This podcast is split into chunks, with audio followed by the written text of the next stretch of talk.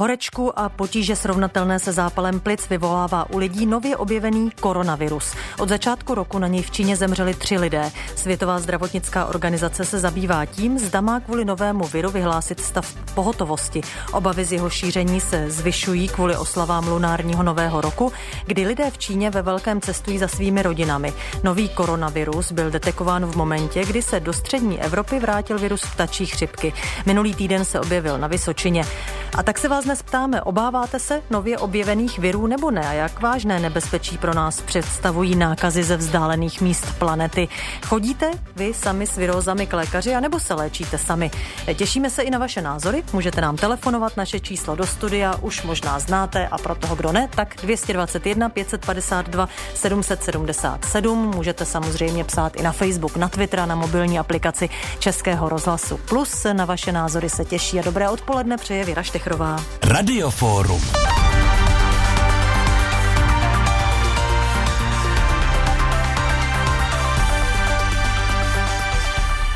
A já po linkách zdravím do Plzně profesora Petra Pazdioru, který působí jako přednosta Ústavu epidemiologie Lékařské fakulty v Plzni.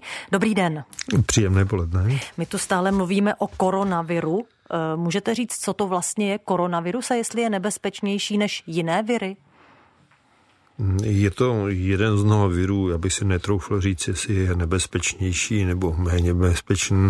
Jisté je, že mm, původci eh, z toho rodu koronaviru mezi námi cirkulují celou řadu let. Jsou tady popisovány běžné respirační infekce u dětí, kterým nikdo nevěnuje v vozovkách pozornost, ale koronaviry jsou spojeny i se dvěma závažnými onemocněními se SARSem, který se objevil v roce 2002 a víceméně jeho existence skončila v roce 2003 a potom o několik let později byla poznána nová klinická jednotka MERS, eh, to znamená zase eh, syndrom respiračního selhání související se středním východem a eh, těchto onemocnění bylo popsáno do dnešního dne řadu tisíc a ta smrtnost je poměrně vysoká, dosahuje kolem 30-40%.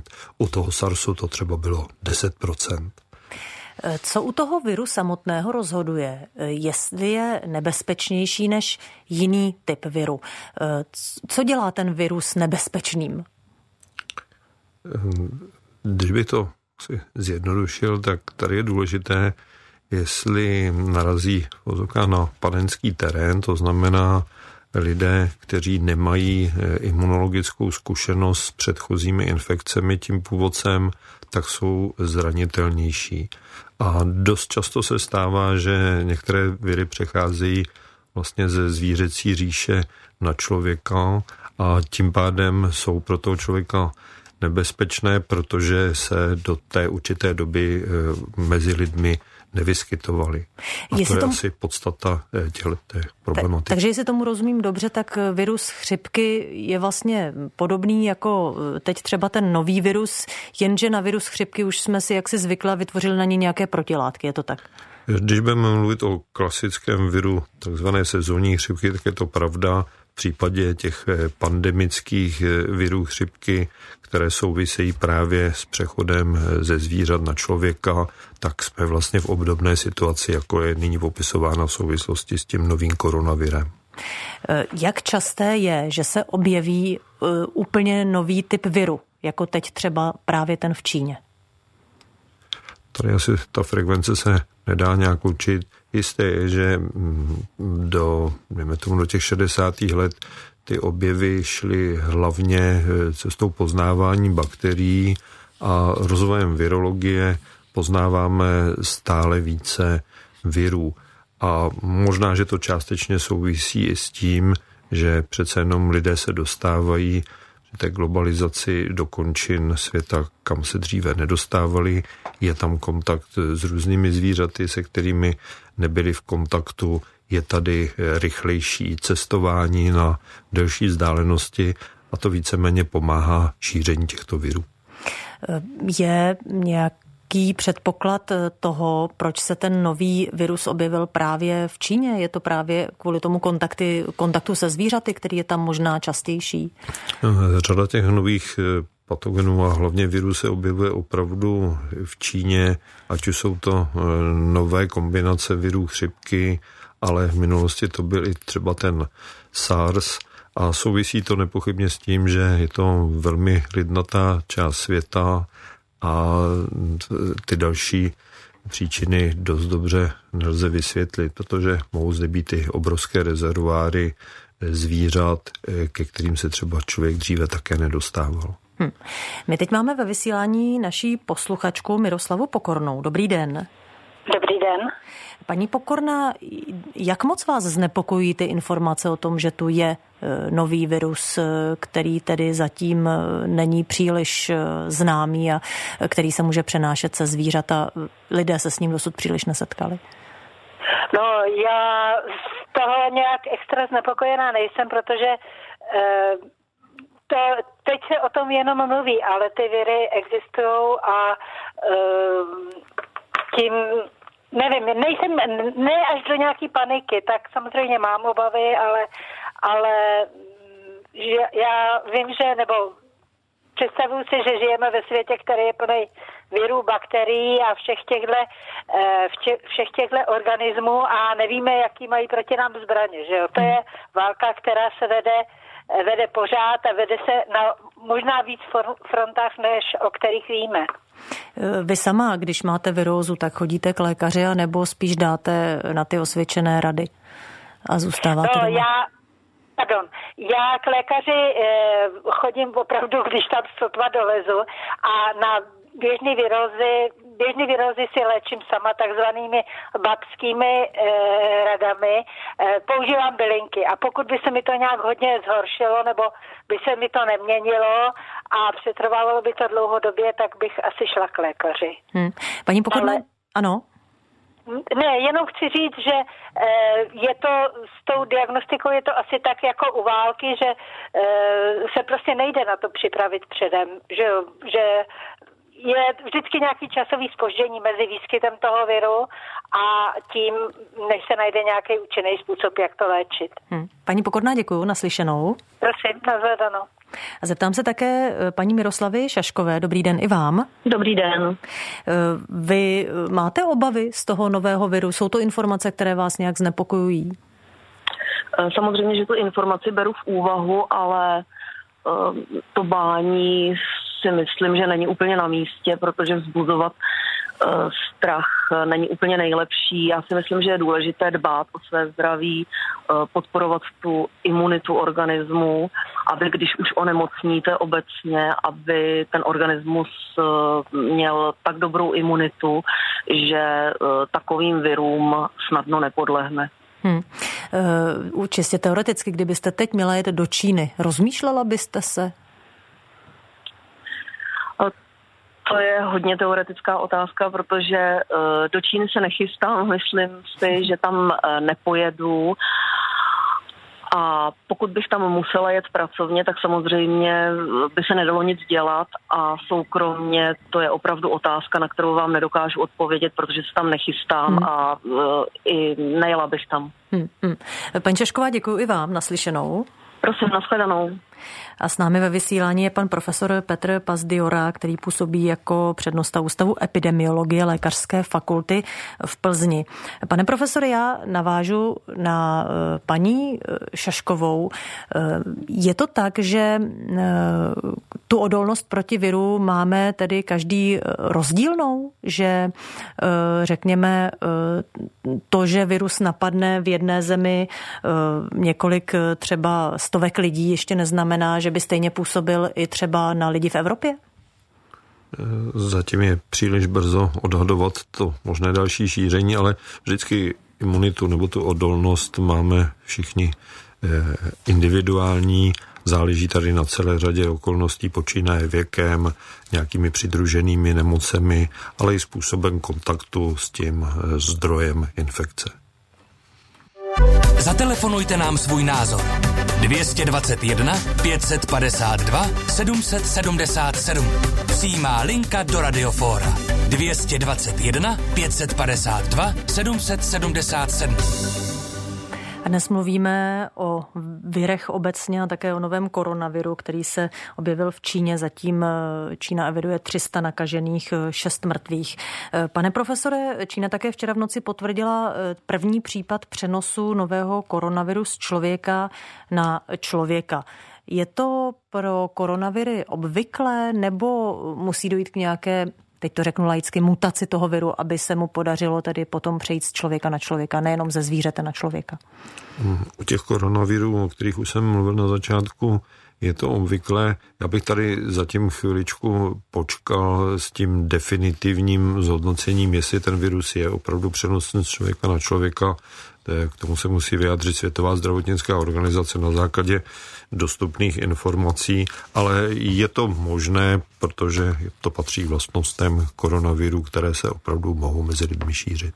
Jak se to vlastně ověřuje, kdy lze s jistotou říct, že ten virus se opravdu přenesl z člověka na člověka? K tomu jsou mm, potřeba nějaké testy, nebo se to zkoumá na základě toho, že třeba onemocní personál, nemocnice a podobně? Je to na základě zejména těch eh, nepřímých průkazů. Tady jeden z těch nepřímých eh, průkazů této možnosti je to, že eh, snad v jednom takovém tom rodinném výskytu onemocněl muž, který byl v kontaktu s tím inkriminovaným tržištěm, odkud se snad ta infekce šíří a o několik dnů později onemocněla i jeho manželka, která na tom tržišti nebyla. Takže tady se nedá vyloučit, že on třeba ji nakazil. Ale těchto podobných e, rodinných e, výskytů je zatím příliš málo, aby se to dalo nějak zobecnit. To, co jste říkala, samozřejmě by byl také ošklivý, ale velmi důležitý důkaz přenosu mezi lidmi, kdyby začali být mezi těmi nemocnými i zdravotníci. A pokud já vím, tak zatím při ošetřování těch nemocných nedošlo k onemocnění zdravotníka. Pane profesore, každopádně teď se ví, že tedy došlo k přenosu zřejmě ze zvířete na člověka. Dá se eh, říct, eh, co se stane eh, s tím virem, nebo jaký typ virů se přenese, dokáže přenést ze zvířete na člověka? Co se musí stát, aby ten virus tedy takto přešel, dokázal přežít? Hmm, on potřebuje v tom lidském organismu určité receptory, které ho dokáží nějakým způsobem adaptovat na přežívání v lidském organismu. A když se tohle to podaří, tak může docházet k onemocněním u lidí a pokud jsou splněny ještě další podmínky, tak potom může docházet i případně k přenosu od jednoho infikovaného člověka k někomu dalšímu. Takže to se ukáže do budoucnosti, protože třeba o viru ptačí chřipky, o kterém se mluví už, eh, dá se říct, přes 20 eh, let, tak tam se jednoznačně stále třeba nepotvrdil přenos od člověka k člověku. Pokud člověk výjimečně onemocní, je to onemocnění velmi závažné, ale zatím nedošlo k takové adaptaci, která by umožňovala tomu viru se šířit mezi lidmi dál. Když mluvíte o tom viru ptačí chřipky, tak minulý týden se znovu objevil po několika letech na Vysočině. Um, a teď jste říkal, že vlastně to teď není jasné, jestli tam dochází k tomu přenosu z člověka na člověka, jestli jsem to dobře pochopila, ale přitom ten virus známe už několik let, tak uh, tam se na tom nepracuje, na tom zjištění, jestli k tomu přenosu dochází nebo ne. Tak tady to není otázka pracovat na zjištění přenosu. Tady je vždycky snaha udělat všechno pro to, aby se člověk nenakazil mm. a pokud jde tedy o rozšíření viru ptačí chřipky v těch chovech domácích zvířat, tak tam se dělají opatření, která mají zabránit, aby se to šířilo dál mezi těmi zvířaty. A e, důležité je, že zase e, ty viry ptačí chřipky e, jsou různé, mají různé antigenní vlastnosti a některé z nich více, některé méně jsou schopny člověka napadnout. A konkrétně ta kombinace, která byla zjištěna nejenom tady na Vysočině, ale i v okolních zemích, jako je Polsko, Maďarsko, Slovensko, tak patří mezi ty kombinace, které nejsou vhodné pro napadení lidského organismu. Hmm. Zatímco jiné kombinace v minulosti třeba virus chřipky H5N1 a H7N2 jsou spojeny i s výjimečnými onemocněními u lidí. Víme víc o tom, proč se virus, který tu několik let nebyl, najednou znovu někde a třeba v malém chovu a velmi osaměle objeví? Tady se vlastně objevila nová kombinace, Aha. která dřív, aspoň co já vím, tak ve střední Evropě se nikdy předtím eh, neobjevila. A je to důkaz toho, že ten virus po určité době zmutuje, to znamená změní své vlastnosti, které mu umožní přežívat dál nebo napadat dál nového hostitele. A tak si lze vysvětlit právě vznik nových kombinací třeba od toho viru ptačí chřipky. Ehm, dá se Eh, obecně říct, že to nakažení viry, eh, minimálně třeba, i těma, třeba těmi koronaviry, se eh, projevuje podobně u lidí, že tam je vždy, vždy něco jako zápal plic, vysoké horečky a podobně, nebo to může být úplně rozdílný průběh?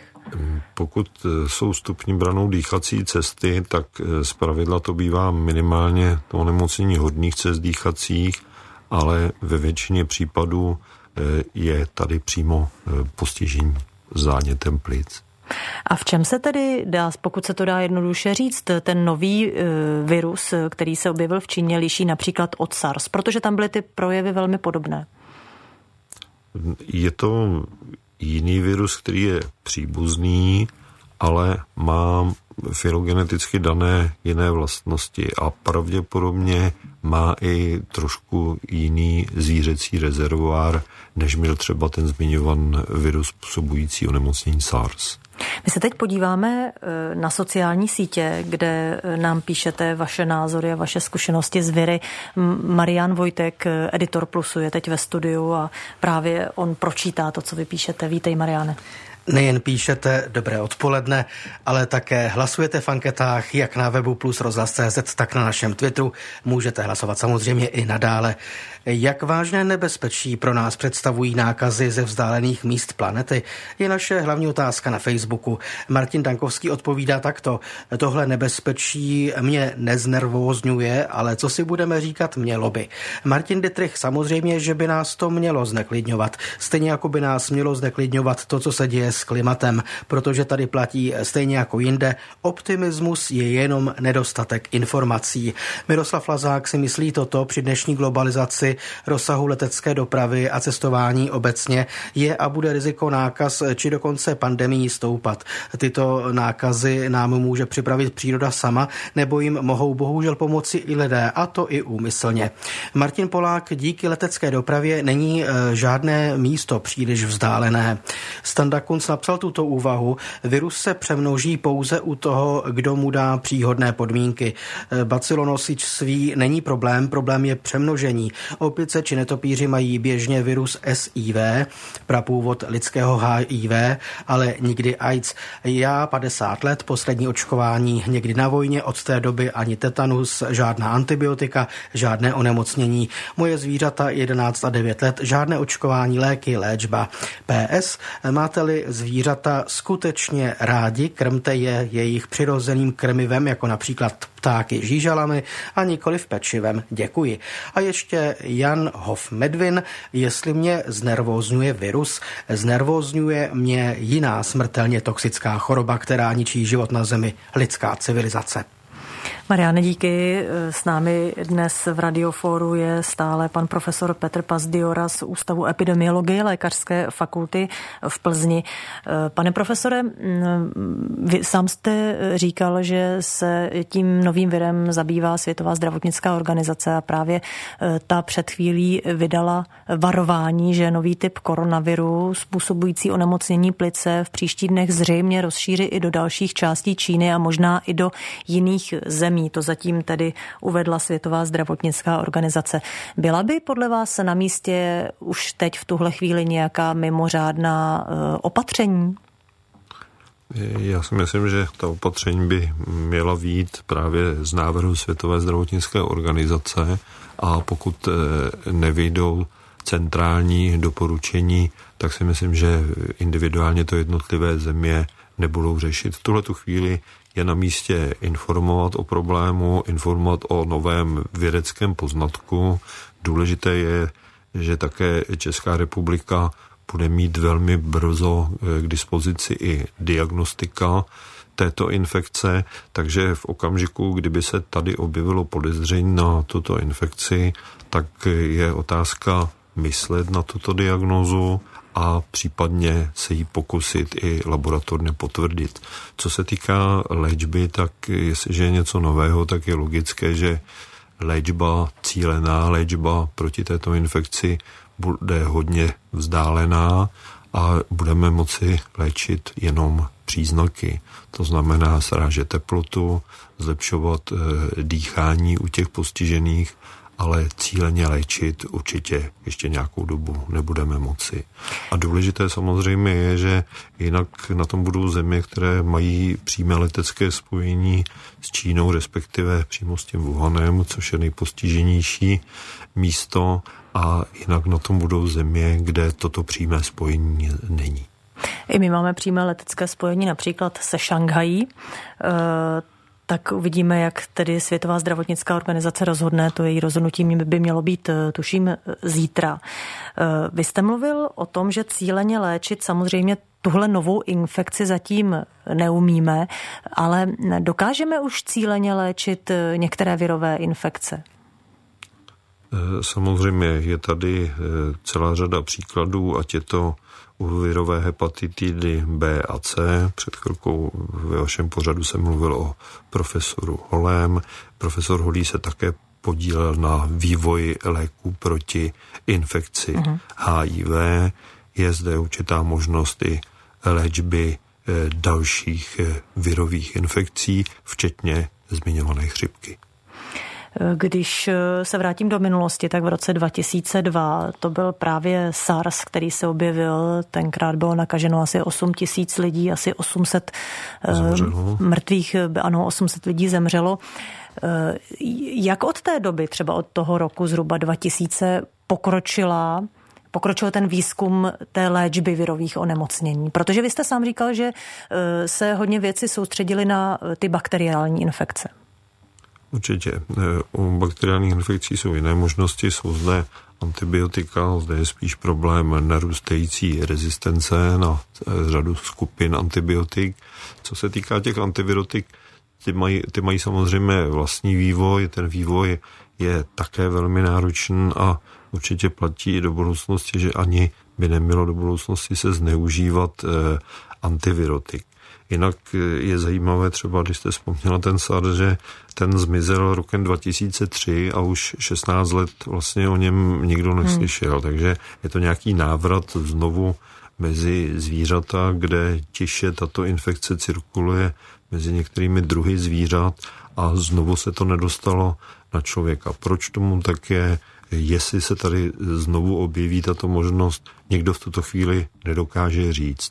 Na druhé straně MERS je tady už e, řadu let a ten problém nemizí. Virus ptačí chřipky ten neustále mění svou strukturu, mění své antigenní vlastnosti a je trvalým problémem.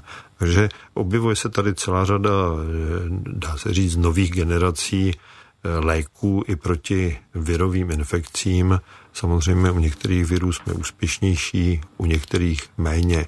A prioritou samozřejmě je asi v současnosti eh, problematika léčby eh, chřipky, kde přece jenom ten počet nemocných a i eh, dá se říct celoplošné postižení světové populace je natolik závažným fenoménem, že stojí za to opravdu se této problematice věnovat jako prioritu. Mimochodem, když teď mluvíme o tom, že mm, tady je šest eh, mrtvých lidí, 300 nakažených za dva měsíce, tak eh, takhle z hlavy dokážete říct, kolik lidí ročně eh, na světě zemře na, právě na tu chřipku? Tady nechci vymýšlet nějaká čísla. A nebo v České republice? V České republice se odhaduje, že při takových těch klasických sezónních chřipkách umírá 1500 až 2,5 tisíce lidí. Někteří umírají přímo na postižení virem chřipky a další umírají na komplikace, které vznikají u jejich chronických eh, onemocnění. A při těch největších pandemích, které byly v posledních letech, tak je třeba připomenout, že ta takzvaná španělská chřipka usmrtila řádově 50 milionů lidí. Ta poslední pandemie chřipky v roce 2009 tak je spojována řádově s umrtím asi 500 tisíc eh, lidí. Takže tady každá ta pandemie zase může mít různý dopad. To byl profesor Petr Pazdiora, přednosta Ústavu epidemiologie Lékařské fakulty v Plzni. Pane profesore, děkuji, že jste s námi byl dnes ve vysílání. Přeju hezký den. Já vám a někdy naschledanou. Naslyšenou a my se ještě vrátíme na sociální sítě. Tam jsme i dnes eh, se vás ptali, Mariáne. Ano, dnes jsme se vás ptali, jak vážné nebezpečí pro nás představují nákazy ze vzdálených míst planety. Vy jste rozhodli v anketě, že to riziko je vážné. Takové bylo dnešní radiofórum. Věra Štechrová přeje hlavně pevné zdraví.